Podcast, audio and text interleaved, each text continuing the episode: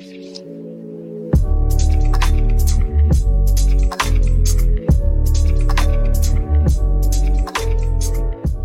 och välkomna ska ni vara till Fredens hus-podden.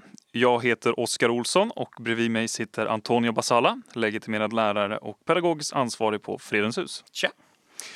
För de som inte känner till Fredens hus verksamhet sedan tidigare, vad, eh, vad sysslar Fredens hus med? Ehm, um, Fredens hus är en ideell förening som uh, man kan säga är ett pedagogiskt centrum. Vi uh, bygger både pedagogiska utställningar, vi håller föreläsningar uh, och framförallt genomför olika typer av interaktiva workshoppar.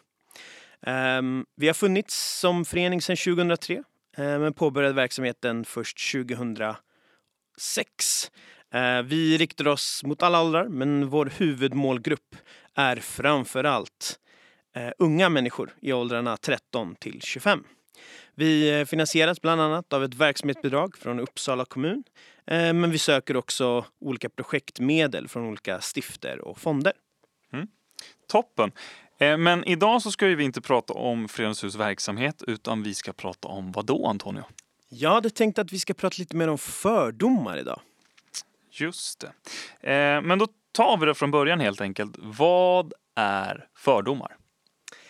Ja, eh, det är inte världens eh, enklaste begrepp att kanske definiera eller berätta. Men förenklat sett så kan man säga att fördomen är just en fördom. Det vill säga att man dömer någon eller något i förväg.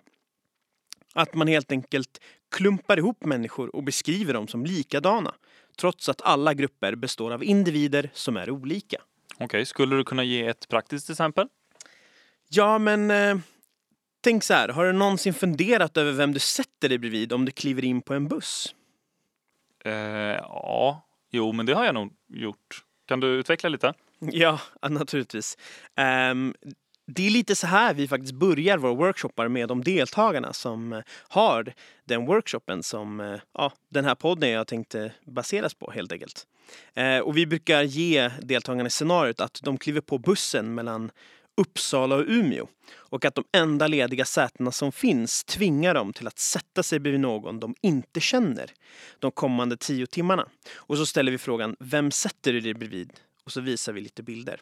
Och vanligtvis så brukar man ofta svara att man helt enkelt sätter sig bredvid någon som påminner om eh, en själv eller någon annan man känner. Ehm, eller så brukar man oftast helt enkelt välja någon som inte är alltför olik en eller som man kanske känner sig otrygg bredvid. Hur menar du? Sätter man sig bredvid någon som känner, man känner sig otrygg bredvid? Nej. Nej, tvärtom. Precis. Ah. Man helt enkelt, eh, oftast väljer många att sätta sig bredvid någon helt enkelt som man, ja. Ja, inte känner sig otrygg med. Exakt, ja, precis. Ja, men precis. Ja, men varför är det troligt att man gör just så då? Jo, ett sätt att förklara det kan vara utifrån ett psykologiskt perspektiv. Jag brukar tänka på vad psykiatrikern och författaren Thomas Böhm brukar säga. Han förklarar det som att vi alltid har bilder av andra, det vill säga föreställningar. Man föreställer sig att andra är på ett visst sätt, exempelvis utifrån hur människor ser ut. Det är helt normalt och naturligt. Det här gör vi för att undersöka hur nära man kan komma en annan människa. Ska jag vara rädd eller nyfiken? Det vi gör är att vi ändrar på de här bilderna hela tiden men när det kommer väldigt starka känslor eller snabba samhällsförändringar kan de här föreställningarna dra iväg och bli fördomar. Och fördomar, det är någonting mer låst, alltså mer trögförändligt. Fördomarna låser de här bilderna kan man säga och försvårar dem från att ändras och uppdateras.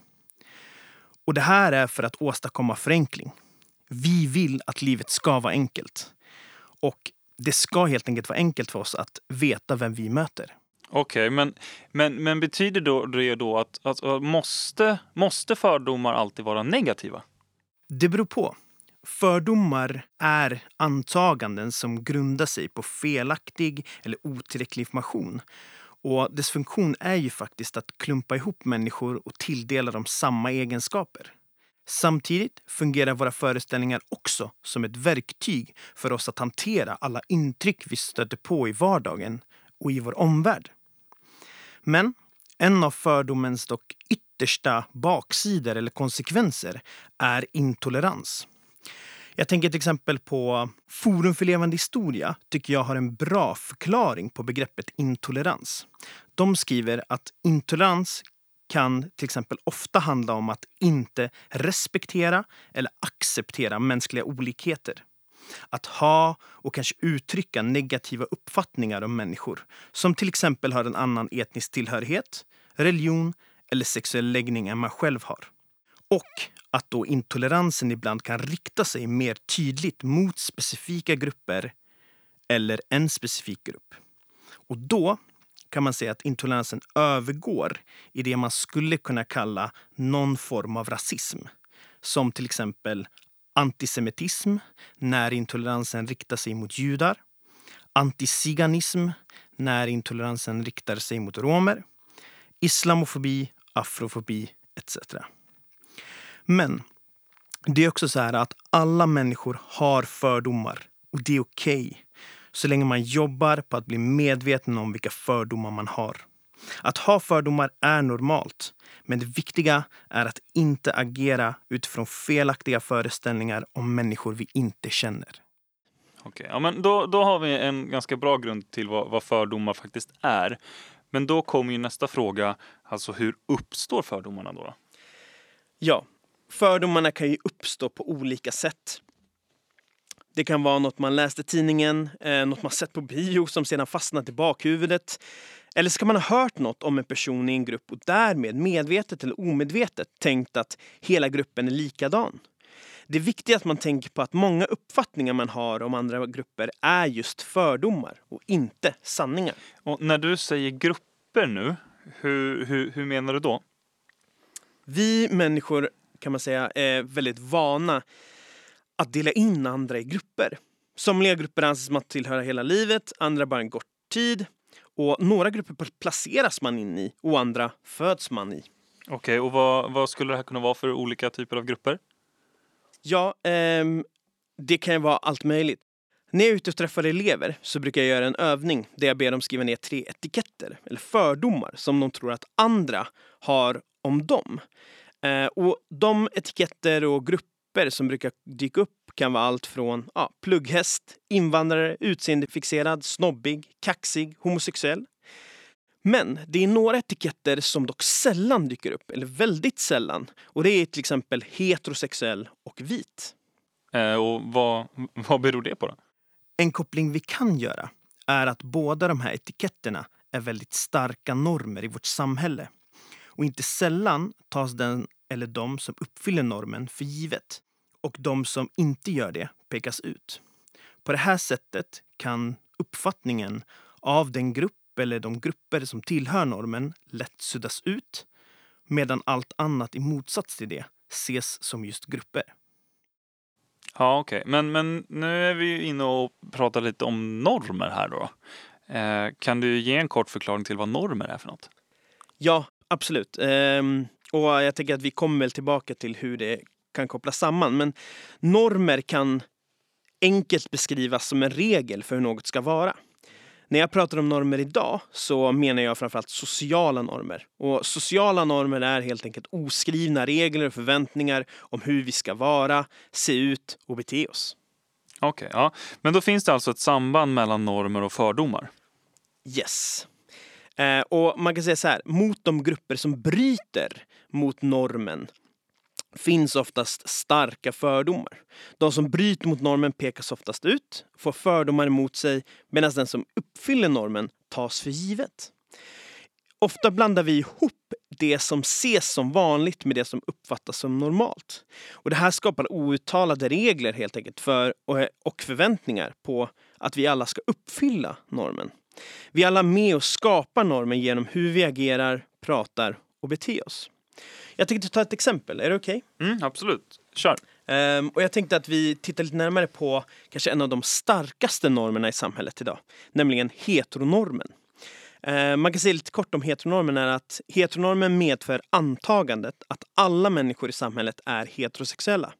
Det vill säga att alla människor förväntas attraheras av det motsatta könet.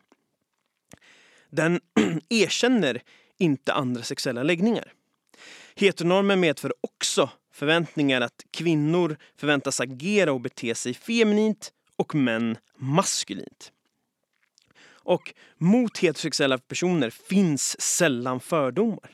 Medan mot till exempel homosexuella personer finns det ofta starka och väldigt kränkande fördomar.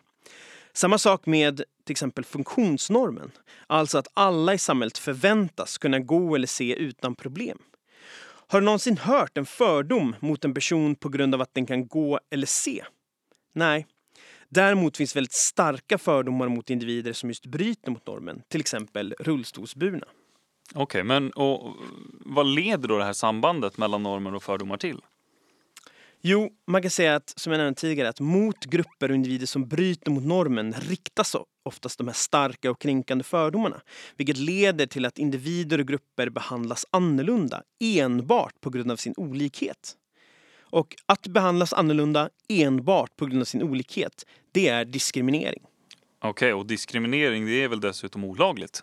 Precis.